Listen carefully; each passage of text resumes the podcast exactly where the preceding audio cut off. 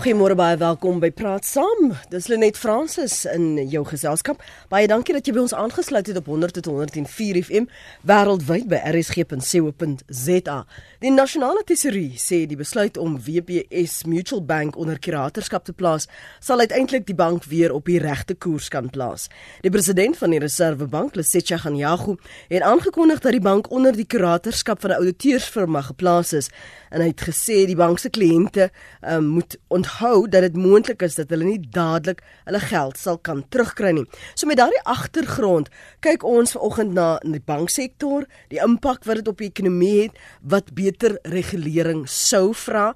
Maar wat beteken dit vir jou en jou banksaake indien 'n bank onder kuratorskap geplaas word? Ons gaste vanoggend, professor Janie Rousseau is by die skool vir ekonomiese en besigheidswetenskap by Wits. Goeiemôre professor Rousseau. Môre Lenet en môre aan die luisteraars. En ons gesels ook met professor Willem Boshoff. Hy is by die departement ekonomie by die Universiteit van Stellenbosch. Welkom ook aan jou professor Boshoff.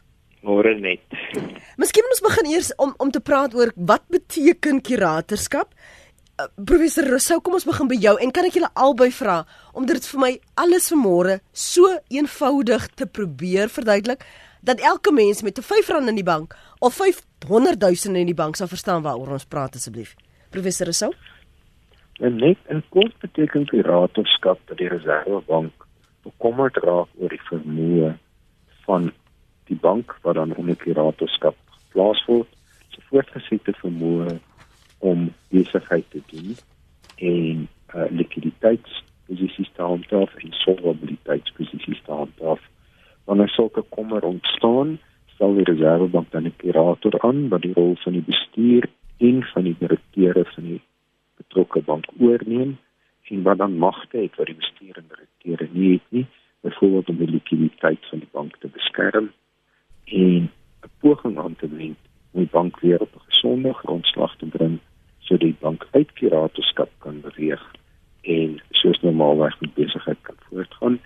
Die mees onlangse voorbeeld daarvan is in Suid-Afrika, is African Bank wat onder kuratorskap was en nou weer met bedrywighede voortgaan. So ons gaan nou nou konteks gee vir wanneer wat gebeur, maar as die markte sulke nuus ontvang professor Boshoff, wat is die reaksie? Gaan daar alarms aan, flikkerligte oor die gesondheid um, van 'n banksektor, 'n land se banksektor? Kyk, die die die banksektor is is is in 'n sekere sin die verskaf die olie vir die vir die ekonomie. So as 'n mens bekommerd raak oor die gesondheid van die van die sektor, dan is daar uh dan sal bekommer bekommernis oor die die mate waartoe um, geld op die regte plekke gaan uitkom waar hulle moet uitkom. Nou in hierdie geval is die bank is 'n baie is 'n baie klein bank dink 'n mens moet miskien net om om die om die gesprek net net 'n konteks plaas. Uh ons praat nou hier van 'n van van klein redelike klein onderlinge bank waarvan die bates waarskynlik in die omgewing van tussen 3 en 5 miljard in totaal is die, die onderlinge banke in Suid-Afrika. Relatief tot die kommersiële banke in Suid-Afrika waar met bates van omtrent 5000 miljard het. So ons ons moet so so wanneer ons wanneer die finansiële markte reageer, reageer hulle uh, nie noodwendig op die impak wat die spesifieke bank uh, op die ekonomie gaan hê, maar in hierdie geval miskien 'n bietjie op onsekerheid, sekerheid oor die uh oor, oor regulering uh van die van die bankwese. Mm -hmm. Maar ek dink die uh, ek ek, ek dink mense moet in hierdie geval is daar soveel verskillende goed wat gelyk hier gebeur dat 'n mens kan baie maklik dinge verwar. Ehm um, bank bankregulering of, of gebrekkige regulering teenoor ander ander soort van oortredings uh, van van ander wette.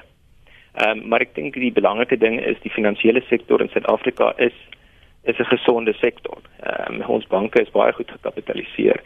Ehm um, so as jy as jy as daar reaksies in die mark uh, dan is dit gaan dit gaan dit 'n bietjie meer oor om uh, aanvanklik net om eintlik uit te sorteer wat is die wat is die drywers daar? Ek dink om die mark probeer uit uitbly wat is die uh oorsake van wat daar aangaan. Ek dink die ding is uh die die drywer daar was as waarskynlik iets anders as as werklik ehm um, dat daar fundamentele probleme is met die regulering van ons banke. Hoe is wat met African Bank gebeur het anders as wat nou met WBS uh, VBS gebeur uh, professor Rousseau? African Bank het 'n groot probleem gehad met solvabiliteit. Met ander woorde, daar probleme ontstaan met die vermoë van die leners en so dat met ander woorde geld by African Bank geleen het om hierdie geld terug te betaal. Ons sê tipies, dit is 'n sol, uh, solvabiliteitsprobleem as jy nie vir bank nog uh, kan voortgaan nie. En tipies ontstaan so 'n probleem aan die batekant van die bank. Ons moet altyd onthou dat die geld wat 'n bank uitleen, die bates van sodanige bank is. In die geval van WBS Bank het 'n likwiditeitsprobleem ontstaan. En 'n likwiditeitsprobleem ontstaan normaalweg met die laste van 'n bank. En baie eenvoudig in die geval van WBS Bank het die bank deposito's geneem van munisipaliteite en die wet op die finansiering van munisipaliteite bepaal uitdruklik dat munisipaliteite net geld by sogenaamde handelsbanke mag belê of banke wat kragtens die bankwet geregistreer is terwyl die BS bank kragtens die onderlinge bankwet geregistreer is. So in kort, die likwiditeitsprobleem by BS bank het ontstaan wat beide die munisipaliteite en die betrokke bank wetgewing oortree het. Soos baie swak korporatiewe beheer by BS bank, die nakomingsbeampte het regtig nie die verantwoordelikhede van die posbehoorlik uitgevoer nie. Mm. So dit is waar die vraag ontstaan het. Die waarskuwing van en vergewe my julle as ek bietjie rondspring probeer vir ons luisteraars die hele tyd 'n konteks gee van waarna ons verwys. Resitja Khanyago, die president van die Reservebank se waarskuwing dat kliënte moet verstaan dat hulle nie al hulle geld sal kan terugkry nie wat het dit daarmee te doen met die feit dat die bank nou onder kuratorskap geplaas word? Hulle praat spesifiek van 50000 minder in in jou rekening en dan dan sal jy onmiddellike toegang kan hê. In kort net, soos ek sê die bank het 'n likwiditeitsprobleem en daarom sal sekere deposito's deur die kurator bevries word totdat die bank weer voldoende likwiditeit het om die betrokke deposito's terug te betaal. En my indruk hier is die spesifieke deposito's wat nou kragtens die bankwet bevries is. Ek sê bankwet bedoel ek hier die wet op onderlinge banke is die deposito's van munisipaliteite juis om die likwiditeit van BB's bank te beskerm. Kom ons gee vir ons luisteraars 'n uh, prentjie van hoe wie skakel waar in um, sodat ons verstaan jy was voorheen by die Reservebank professor Rousseau daar da word verwys na die kommersiële banke jy het altyd benadruk dat WBS maar 'n klein onderdeel dan van hierdie groter enjin sou wees maar hoe skakel almal met mekaar? Want op die oomblik is daar verskillende rolspelers wat moeite doen om gerusstelling in die in die mark of in die mark in die in die sektor te bring. Natuurlik almal het 'n eie belang. Kyk, uh, ons het drie stel bankwette in Suid-Afrika. Ons het die wat ons noem die bankwet en die groot banke wat ons almal ken, kragtens die bankwet geregistreer. Dan het ons die onderlinge bankwet van 1993 waar uh, banke soos WBS Bank, GBS Bank en Finbond Mutual Bank geregistreer is. Maar baie interessant, hoewel dit 'n onderlinge bankwet genoem word, maak hierdie betrokke wet tog voorsiening vir aandeelhouers in die onderlinge banke. Dan is natuurlik die koöperatiewe bankwet vir koöperatiewe banke wat as koöperasies geregistreer is van 2007. En in elke geval is daar meer en meer beperkings op die aktiwiteite wat die banke mag doen. Banke geregistreer kragtens die bankwet van 1990 mag alle bankdienste aanbied. Onderlinge banke mag meer beperkte bankdienste aanbied en koöperatiewe banke kan prakties net depositonemende en uitleen aktiwiteite aanbied. So dit hang af van gee me vir verwysing na vir 'n beter woord die die die voorwaardes van daardie lisensiering of die registrasie van daardie tipe bank, se reg? Ja, absoluut. En in elke geval is daar 'n uh, ligter regulering. Die banke kragtens die bankwet van 1990 is van baie meer streng regulering en ook byvoorbeeld as koöperatiewe banke omdat banke geregistreer kragtens die bankwet van 1990 baie groot risiko's vir eie rekening kan neem. Vir ons ons luisteraars toe gaan ek wil net vir jou vra professor Boshoff, watter impak het die banksektor in Suid-Afrika op die groter ekonomie van die land? Waar trek as daar 'n probleem in die een deel is is dit outomaties dat dit 'n ripple effek op die ander dele gaan hê? Dit is reg, ehm um, uh, Lenet, ek dink die afgelope 10 jaar het vir ons eintlik gewys watter impak die finansiële sektor op op die ekonomie wêreldwyd het. Ehm um, omdat die banksektor se vernaamste rol is om om basies geld van mense wat 'n surplus daarvan het te bring by mense wat 'n tekort daaraan het. As daar 'n probleem daar ontstaan en daardie um, intermediasie ehm um, dan kan dit die ekonomie um, baie skade berokken. Ehm um, so die die die prestasie van die finansiële sektor is gewoonlik vir mense aanduiding van die uh leidende aandeel van die gesondheid van die van die ekonomie. Ehm um, in as jy in Suid-Afrika natuurlik is ons finansiële sektor ehm um, relatief tot die tot ander ontleikende markte betreklik groot en daar's 'n hele klomp redes daarvoor. Ehm um, maar ek dink die uh, die direkte impak natuurlik van enige verwikkeling in die finansiële sektor is is is natuurlik ehm um, gaan natuurlik onmiddellik gevoel word, maar dan ook op die ehm um, die vermoë van firmas en en, en verbruikers om om om elke krediet te bekom om projekte aan te pak en en en en, en transaksies te finansier. Ehm um, uh, sal sal direk beïnvloed word. Nikki, dankie vir jou oproep. Goeiemôre. Goeiemôre net en goeiemôre aan die luisteraars en die gaste daarse. Ek weet nou nie of dit 'n dom vraag is nie, maar ek hoop julle kan my net gou help. Ek hmm. probeer nou verstaan. Right, so die probleem by hierdie banke is nou aan die aan die likwiditeitkant. Right, so as ek nou 'n deposito van 100 000 dae gesit het, is dit nou argument ondalwe 50 000 minder werd. Right, ek gaan 'n bietjie geld verloor. Maar aan die ander kant, aan die batekant het ek nou 'n lening by die bank vir my uit 'n miljoen rand vir argument ondalwe. Ek is nou nog steeds verantwoordelik vir daai volle premie. Right? So ek verloor geld aan die een kant, maar ek word nou nog steeds verantwoordelik gehou vir alles wat ek hulle skuld. Mm. As as hulle dalk net vir my daarso 'n bietjie meer kan verduidelik of ek dit reg verstaan of baie goeie vraag op die radio. Daai baie goeie vraag, dankie want ek dink dit is ook van die angste wat destyds gevoel is by African Bank want mense nie verstaan het wat is die implikasie op die geld wat daar is indien ek ander transaksies of 'n tipe rekening ook het met so 'n instansie, hoe dit my raak, veral die verantwoordelikheidsplig. So baie dankie daarvoor. Nikki gaan nou die gaste vra om daarop te reageer. Stem dit. Dankie vir jou oproep. Goeiemôre. Uh goeiemôre net goeie goeiemôre aan die gaste. Uh baie dankie vir hierdie gesprek. Ek dink dit was baie nodig geweest na aanleiding van van wat nou by uh, FBS bank gebeur. Ek wil terugverwys en ek hoor professor Rousseau verwys ook weer na na African Bank. Dat die stelling word gemaak dat African Bank destyds onder kuratele geplaas is en toe uh ge, op 'n amper sê gesond geword het en nou gesond voortgaan. Die feite daarso is dat African Bank is onkuratele geplaas. Die staatspensioenfonds het 4 miljard rand verloor daar. Toe is hulle gedwing om weer 2,6 miljard beskikbaar te stel saam met die ander banke moes daar 10 miljard beskikbaar gestel word om die nuwe African Bank aan die gang te kry. Nou uh, professor met groot respek om nou te sê dat die uh, die uh, nuwe bank gaan nou heeltemal goed voort want African Bank is gered.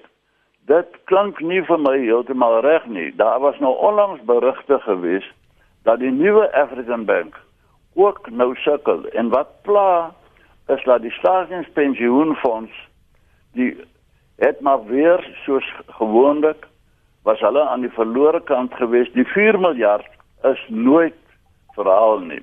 Nou kom ons by FBS.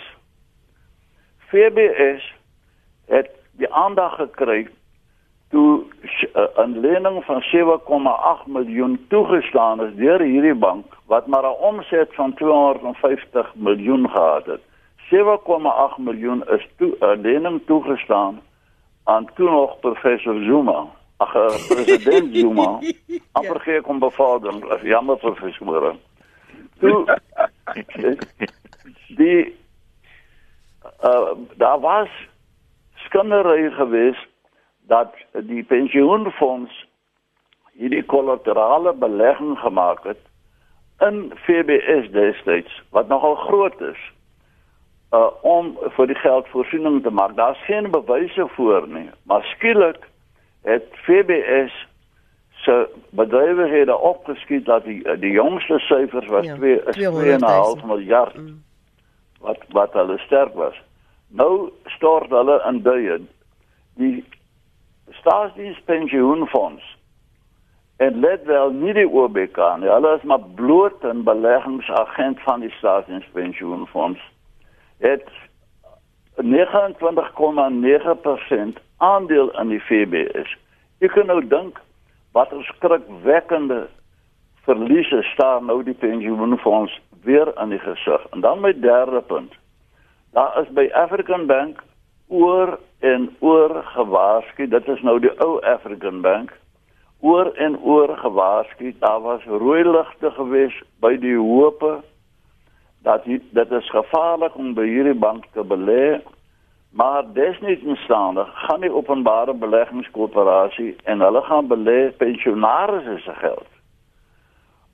Daar teenoor uh, uh, op 'n roekelose wyse. Nou toe weier die Reservebank om die Meiburg komitee wat deur hulle aangestel is, se verslag beskikbaar gestel.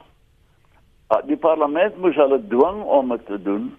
Toe die verslag openbaar is, was daar skokkende bevindings ingewes van roekelose beleggings.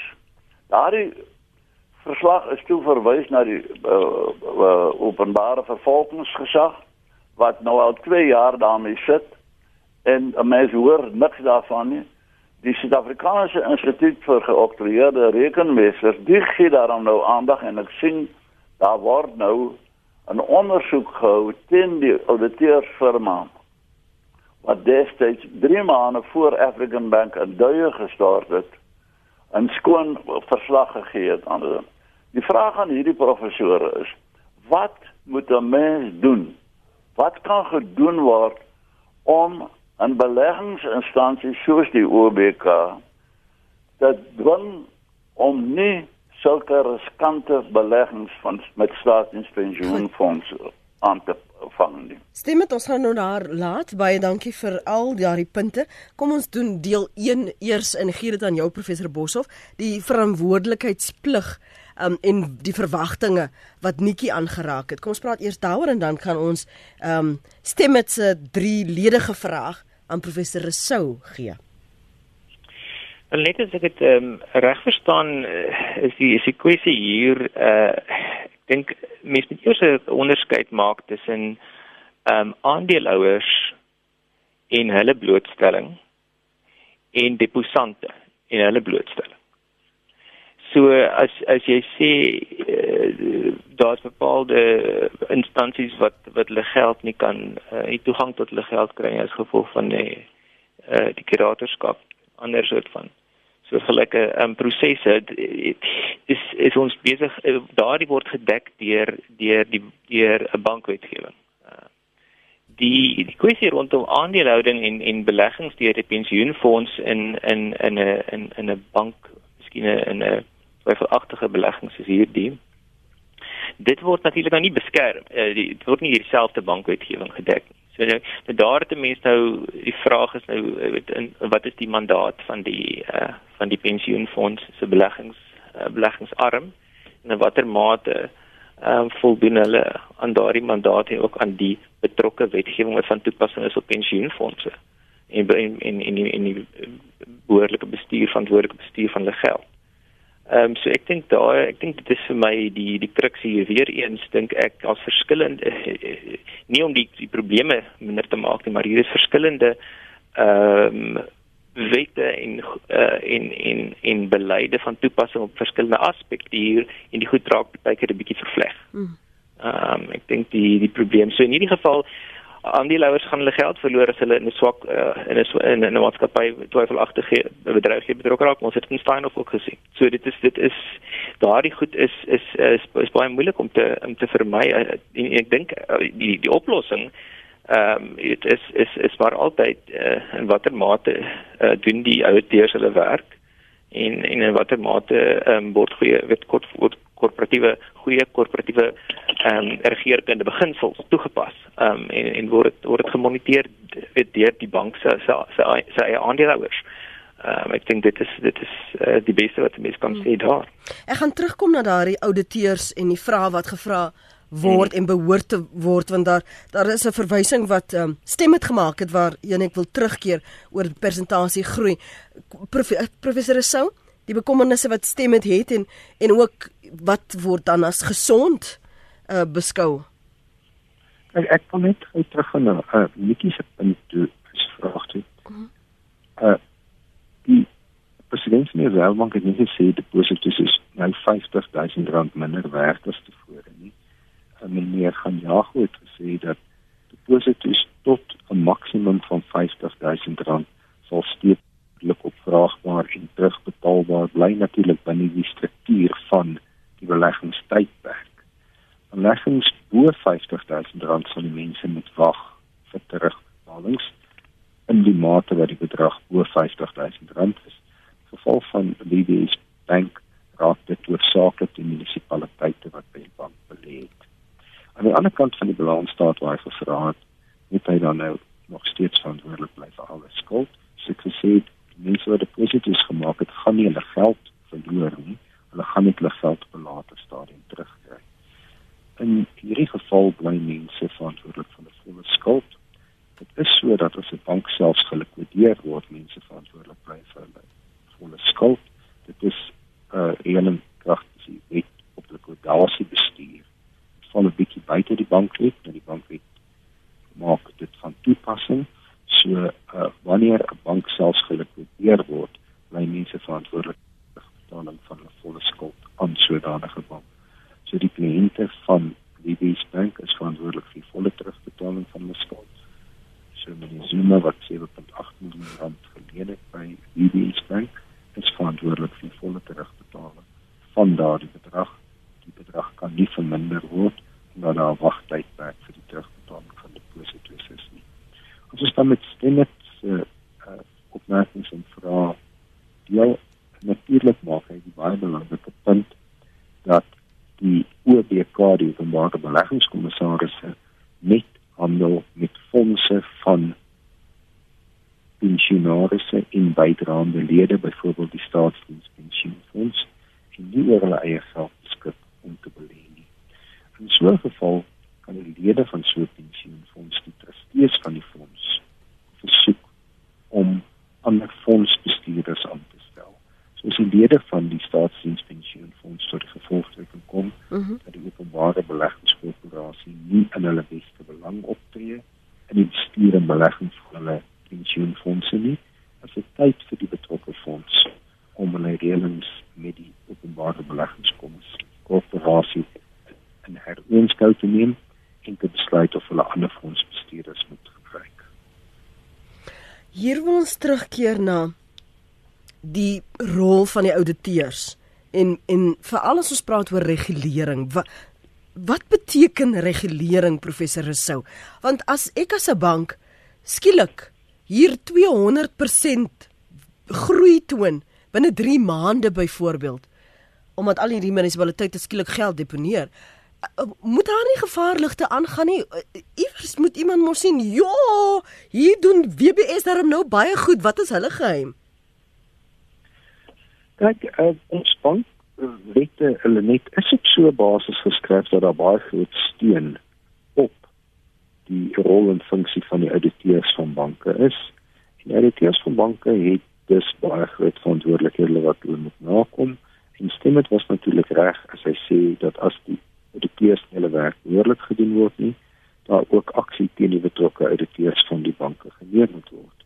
Nou in die geval van WBS Bank is daar seker al so 18 maande gelede gerapporteer dat die bank se bate uh, se laste boek baie vinnig groei dat die bank baie vinnig deposito's ontvang en daar is toe kommer uitgespreek oor die feit dat daar deposito's van munisipaliteite is.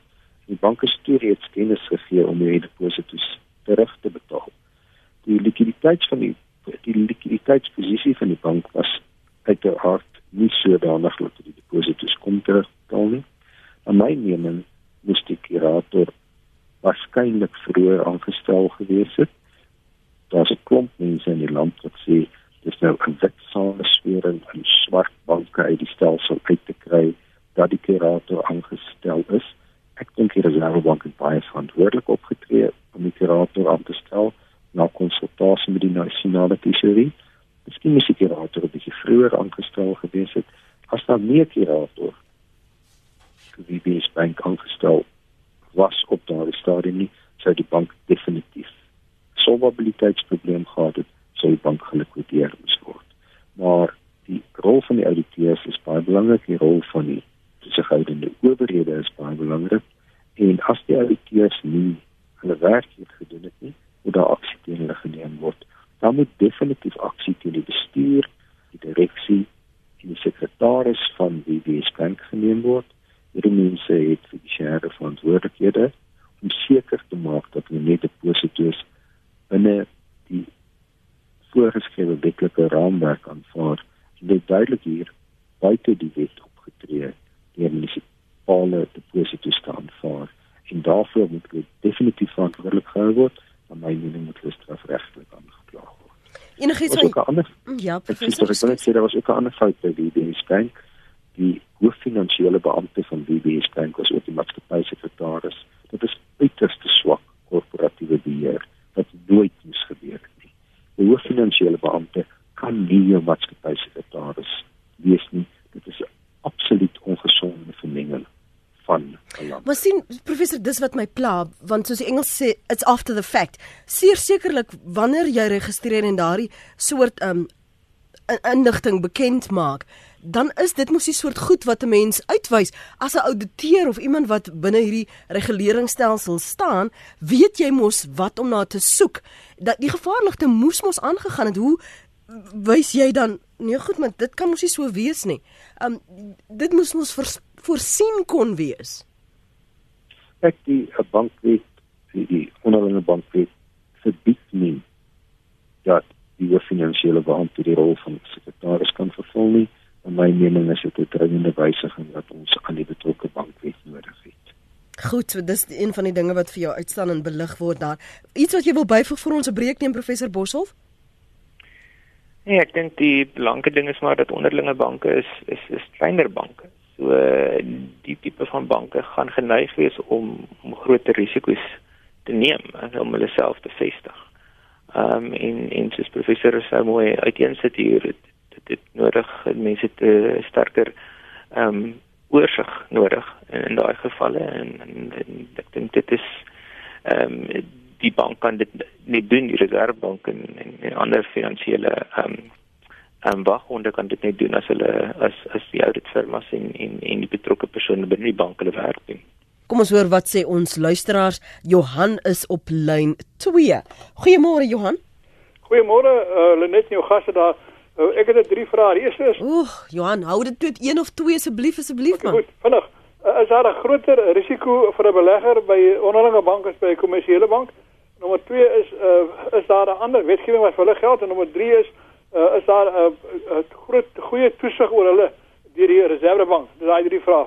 Goed, wat so die risiko is dit groter vir 'n belegger by 'n korporatiewe bank as 'n kleiner een, uh die uh goeie wetgewing of dit bestaan en regulering. As ek ja, reg. Nee, nee, die eerste vraag is by by by hierdie hierdie hierdie onderlinge banke wat van te sprake is, is dit 'n groter risiko belegging by hulle.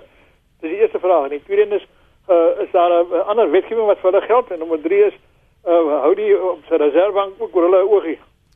Goed. Ek dink professor Rousseau het tog daaraan geraak vanoggend. Professor wat die professor Lenet Rousseau, Rousseau. Ekskuus, jammer. Hulle net uh die risiko's vir 'n deposant vir 'n belegger moet nie te verskil tussen 'n onderlinge bank uh gewone soos ons dit noem handelsbank en selfs 'n koöperatiewe bank wat kragtens die koöperatiewe bankwetgewing geregistreer is nie want al drie hierdie banke moet gesonde beheer en toesig uitoefen die wetgewing, ja, soos ek voor vroeër gesê, daar's drie stelle wetgewing. Een vir kom ons noem hulle maar handelsbanke, hulle staan eintlik net as banke bekend, die groot banke soos hulle ken, maar die bankwet van 1990, dan die onderlinge bankwet van 1993 en die koöperatiewe bankwet van 2007. En in alle gevalle al drie hierdie tipe uh, ja tipe banke al drie gevalle van hierdie wetgewing is onderworpe aan toesighouding deur die Reservebank. Ek wil teruggaan na 2008 want dis een van die punte wat heeltyd hier voor my verskyn op ons sosiale media professor Boshoff is of banke vertrou kan word. As 'n bank fou, watter beskerming is daar vir my as 'n deposito of 'n rekeninghouer? Ehm um, of is dit 'n geval waar ons moet die ekonomie beskerm? So nou kry jy die Reservebank en al die ander banke wat sê en ons probeer gerusstel alles is oukei, okay, alles is oukei, okay, omdat ons vrese het dat mense in mas al hulle geld gaan onttrek. Lenet, ek dink dis 'n interessante vraag die ehm um, die hele kwessie oor wat oor wat in 2008 gebeur het is eintlik 'n uh, 'n vorm van die vrese wat mense nou het rondom rondom hulle gewone bank en dit is hierdie sogenaamde run on the bank. So in die, die gewone tradisionele vrees is dat banke omdat hulle natuurlik 'n klomp uh, korttermyn korttermyn laste deposito's en langtermyn bates het. Uh en as daar die as daar op een slag 'n klomp mense mense sit hulle deposito's wil hê dit nie gelyk dat hulle kan uitbetaal nie omdat daai geld natuurlik uitgeleen is. Uh so dit is nou eenvoudig gestel. En dan het jy dan word banke vereis om 'n sekere hoeveelheid van hulle van hulle kapitaal te hou om om seker te maak om 'n soort van 'n buffer te gee indien indien daardie ehm um, geld benodig word. Nou is wat in 2008 gebeur het is eintlik 'n nuwer moderne vorm van hierdie run on the bank. Ehm um, waar banke op mekaar eintlik geran het as jy dit so wil stel. So banke in die, in die moderne wêreld leen vir mekaar op enorme skaal uh, in die sogenaamde interbank mark. En in 2008 gebeur is dat banke begin paniekerig geraak het oor die vermoë van die ander bank om hulle self terug te betaal en toe daai hele daai hele mark basies gevries en dit het 'n hele ehm um, uh, domino effek gehad in die res van die finansiële sektor. So so daar was dit natuurlik verskriklik belangrik omdat hierdie groot sistemiese banke was, nê, ehm um, wat wat skielik oornag ehm um, basies insolvent geword het. Ehm um, in in in daarom moes die federale reserveraad in Engeland en in Europa ehm um, vinnig ingryp om seker te maak dat hierdie instellings bly funksioneer. Ehm um, so dit is 'n dit is 'n ander vorm van 'n run. Ehm um, wat ons nou hieroor praat is natuurlik ehm um, wat nou belangrik is miskien vir die luisteraars is, is is net in terme van wat hoe is hoe veilig is is my geld. Ehm um, en daar is is in Suid-Afrika natuurlik voldoende uh, kapitaal ehm um, sogenaamde ehm um, kapitaal vereistes op, op bank om om hoeveel van hulle geld te hou om seker te maak dat hulle dat hulle aan hierdie goed voldoen. Um, maar dit is dit is natuurlik so dat eh, soos ons nou self het is, is is daar ander uh, probleme by die banke staan. Uh, vir dit natuurlik vat nie die risiko weg nie, nee. Mm. Hoe hoe hoe werk hierdie die aandeelhouers dan professor Sou? Wie mag 'n bank besit en um, veral internasionale beleggers? Ons het nou weer 'n veldtog, ek sê maar nou net die bank se naam noem nie, wat nou weer sê maar ons se naam gaan nou weer terug en nou dis nou 'n nuwe naam. Ons naam gaan nou nie weer verander nie. Daardie mate van invloed en en deelname, veral wanneer elke land en sy banksaake wetgewing uh, tog verskil. Wat sê die wet daaroor en en watter soort beskerming is daar vir uitbuiting of dan vir totale en al oorname? Uh, uiteraard met enige groot aandeelhoudings sien maar meer as 15% in enige bank deur die Reservebank goedgekeur word. In Suid-Afrika het ons nie beperkings op buitelandse aandeelhouding in ons banke nie. En uh, vir kleiner aandeelhouding kan enige persoon aandele in 'n betrokke bank koop vir alles die bank op die JSE genoteer is. Net so kan enige persoon wat aandele in 'n bank besit, die aandele verkoop Ek wil 'n ander punt aanraak en dis die punt van depositoversekering wat ons nie in Suid-Afrika het nie. Net na my mening het ons baie dringend 'n stelsel van depositoversekering in Suid-Afrika nodig. In kort, wat depositoversekering beteken, is as iemand 'n deposito by 'n bank het en die bank word gelikwideer en die deposito kan nie terugbetaal word nie, of regtig met nie vroeër gemaak het, kan so 'n kliënt van 'n bank vergoed word vir die verlies deur 'n depositoversekeringsskema. 'n Depositoversekeringsskema sal uiteraard beteken dat elke deposant by elke bank 'n klein bietjie minder rente sal verdien as wat tans die geval is. Dit sal fraksioneel wees wat van rente afgetrek word en in so 'n fonds belê word ten einde vir kliënte die versekering te bied wat daar fondse is wanneer 'n bank dan in moeilikheid kom. Kan jy gou vir ons luisteraars sê net van hierdie gesprek oor hierdie versekerings Um daar is nog steeds nie 'n ooreenkoms bereik nie. Wat is die hakplek dat al hierdie banke nie op dieselfde bladsy is nie? Ons luisteraars is dalk bewus daarvan dat dit al 'n geruime tyd al in die diskurs is, maar daar's nog geen besluit daaroor geneem nie. Wel, ek het in 2012 die Reservebank afgetree net. Dit was toe bespreek. Ek het 27 jaar by die Reservebank gewerk. Ek dink as jy hele 27 jaar bespreek in kort vir die klein banke dat die groot banke hulle sal oorheers die groot banke voel hulle sal die risiko van die klein banke subsidieer. Ek persoonlik dink ons is verby die punt waar ons moet sê wat die voordele vir verskillende spelers is. Op hierdie stadium moet ons kyk na wat die voordele vir die posante in Suid-Afrika is. Ons moet eenvoudig die bolbieeringspak hierdie skema in plek kry.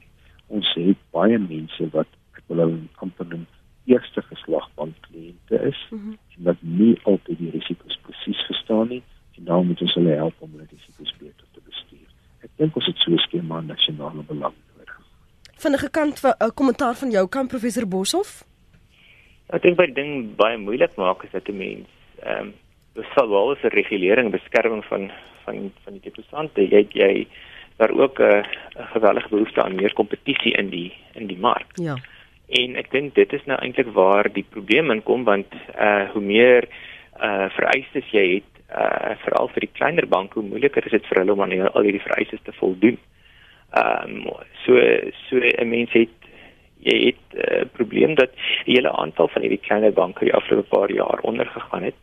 Ehm um, nou aan die een kant wil jy verseker die die deposante beskerm word, maar aan die ander kant wil jy ook nie noodwendig hê dat die dat die banke ehm um, uh, jy weet oorleef die dat die banke oorleef wat nie moet oorleef nie. So dit is 'n ek dink die kwessie van kompetisie is ook uh, bly maar baie lastig daar want aan die een kant het jy groot gevestigde banke wat wat wat redelik stabiel is en in in in in in waar beleggers se geld veilig is en en jy het hierdie kleiner banke uh baie baie kleiner banke uh, wat jy graag wil laat groei maar wat jy dan dan soos van dieselfde soos van regulasies met onderwerp as die groter banke een van ons luisteraars David skryf hier professor Sou hoe verskil African en WBS bank se probleme van saambou sin destyds miskien sal die luisteraars nie eens onthou daar was 'n trustbank en 'n saambou bank in ons se verlede nie.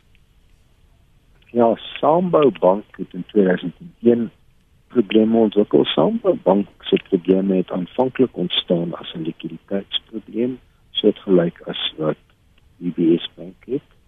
Saambou bank na my mening nie betyds onder kuratorskap geplaas nie en die likwiditeitsprobleem het oënskynlik ontwikkel in 'n solvabiliteitsprobleem.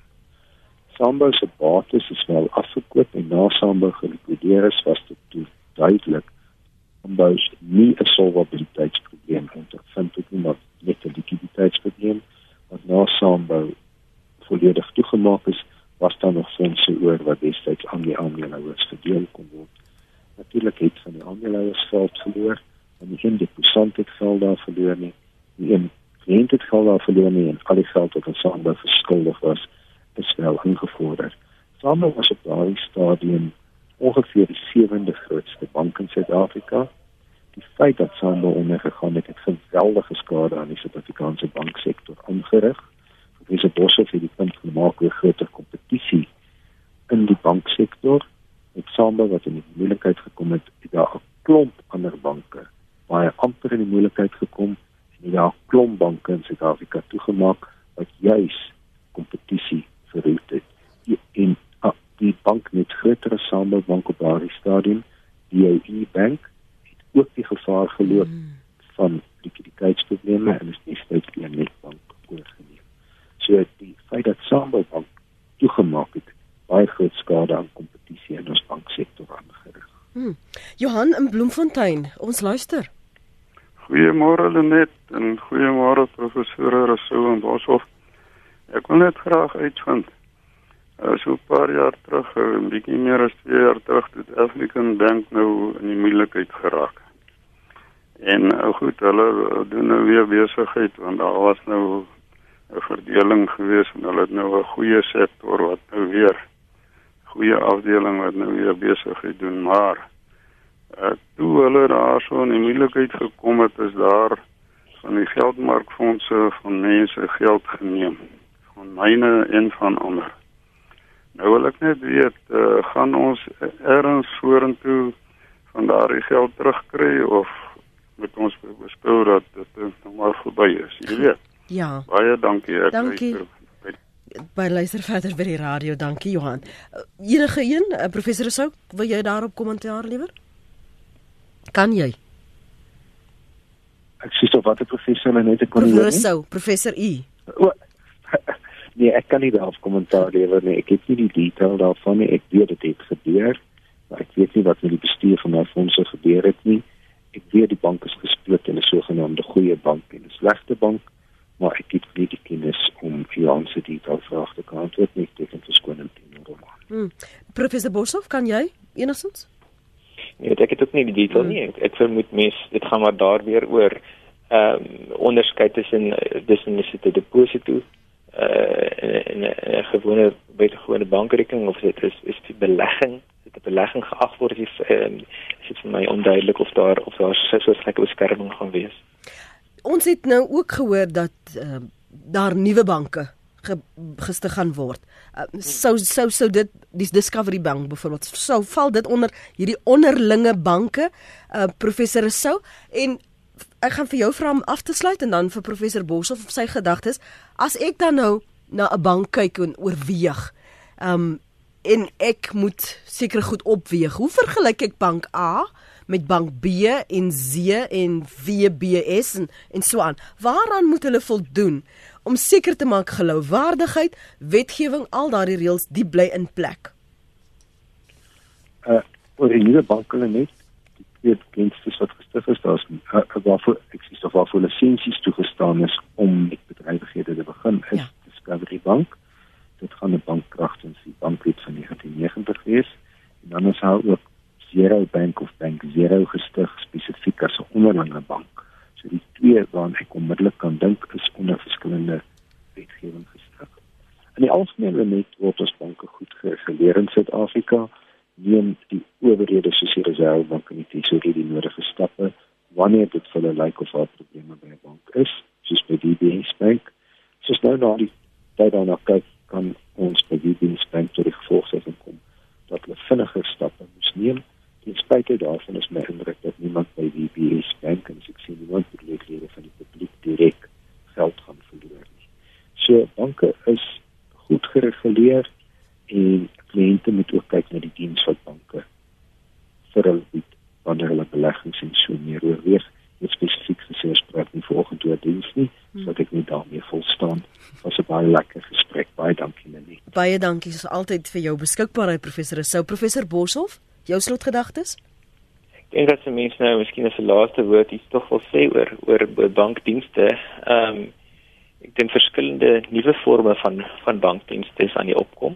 Ek dink aan mobiele bankwese. Ek dink aan uh, verskillende maniere van betaal, ander alternatiewe betaalmiddels of of uh, toepassings um, beskikbaar. Wat ek dink dinge interessant gaan maak in die toekoms. Ek dink ook ehm um, wat miskien uh, in die verlede 'n gewellige remskoen was vir nuwe klein banke was hulle kostestrukture om fisiese banke, mm. banktakke en goed te gaan uitre, um, uitrol. Ek dink dit is dit is aan die verander. Jy hoef nie meer fisiese banktakke te hê nie. Ek dink dit gaan die speelveld 'n bietjie verander. Ehm um, maar dan ehm um, om terug te kom by die gesprek hier, ek dink die Suid-Afrikaanse bankstelsel is is in en wese baie gesond en en die probleme wat ek sien is hier op die periferie. Ehm um, en en mense moet sien hoe speel hoe speel dit uit. Baie dankie. Baie dankie. Lekker dag verder. Dit was die stemme van professor Willem Boshoff. Hy is by die departement ekonomie by die Universiteit van Stellenbosch en professor Janie Rousseau is by die skool vir ekonomiese en besigheidswetenskappe by Wits. Uh, baie van julle wat vra dat ons weer so 'n gesprek moet hê sodra daar verwikkelinge is, is dit my taak en verpligting as ware om seker te maak dat ons die regte gaste kry sodat ons hierdie soort bekommernisse van jou kan aanspreek. Uh, ons het almal geld in die bank en ons wil weet of dit veilig is, maar baie dankie aan ons kundige gaste vanoggend. Ek dink dit is belangrik dat ons hieroor gesels veral omdat dinge om ons gebeur en ons dink soms dit raak ons nie maar dit raak ons beslis. Veral nee as dit ons geld betref, word dit beslis 'n saak waaroor ons moet gesels.